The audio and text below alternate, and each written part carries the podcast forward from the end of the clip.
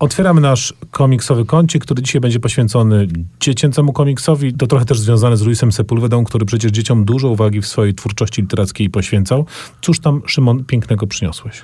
Ja e, trochę szukałem, bo przyniosłem dwie książki tak naprawdę, ale jedna z nich jest świeżynką, jedna się z nich, e, jedna się z nich dopiero co ukazała, ale namawiam Państwa do lektury obu. To jest książka dla dzieci, którą popełnił Stanton Joe Todd. Pierwsza część cyklu nazywa się Artur i Złoty Sznur, druga część nazywa się Marcy i Zagadka Sfinksa, a e, całość kolekcji nazywa się Kolekcja mitów profesora Brownstone'a. Bardzo jest tutaj prosty pomysł, e, mianowicie narrator opowiada nam historię z swojej rodziny, która, e, i to takiej odległej w przeszłości rodziny też, dzięki którym historią poznajemy różne mity. W pierwszym tomie poznajemy mity nordyckie, rzecz się dzieje głównie na e, Islandii. W drugiej mm, Artur, który był niepozornym, małym, przestraszonym chłopcem, e, w drugim tomie jest już ojcem. E, ojcem, który znika pewnego dnia, mm, nie wiadomo do końca, gdzie jego córka szybko się dowiaduje,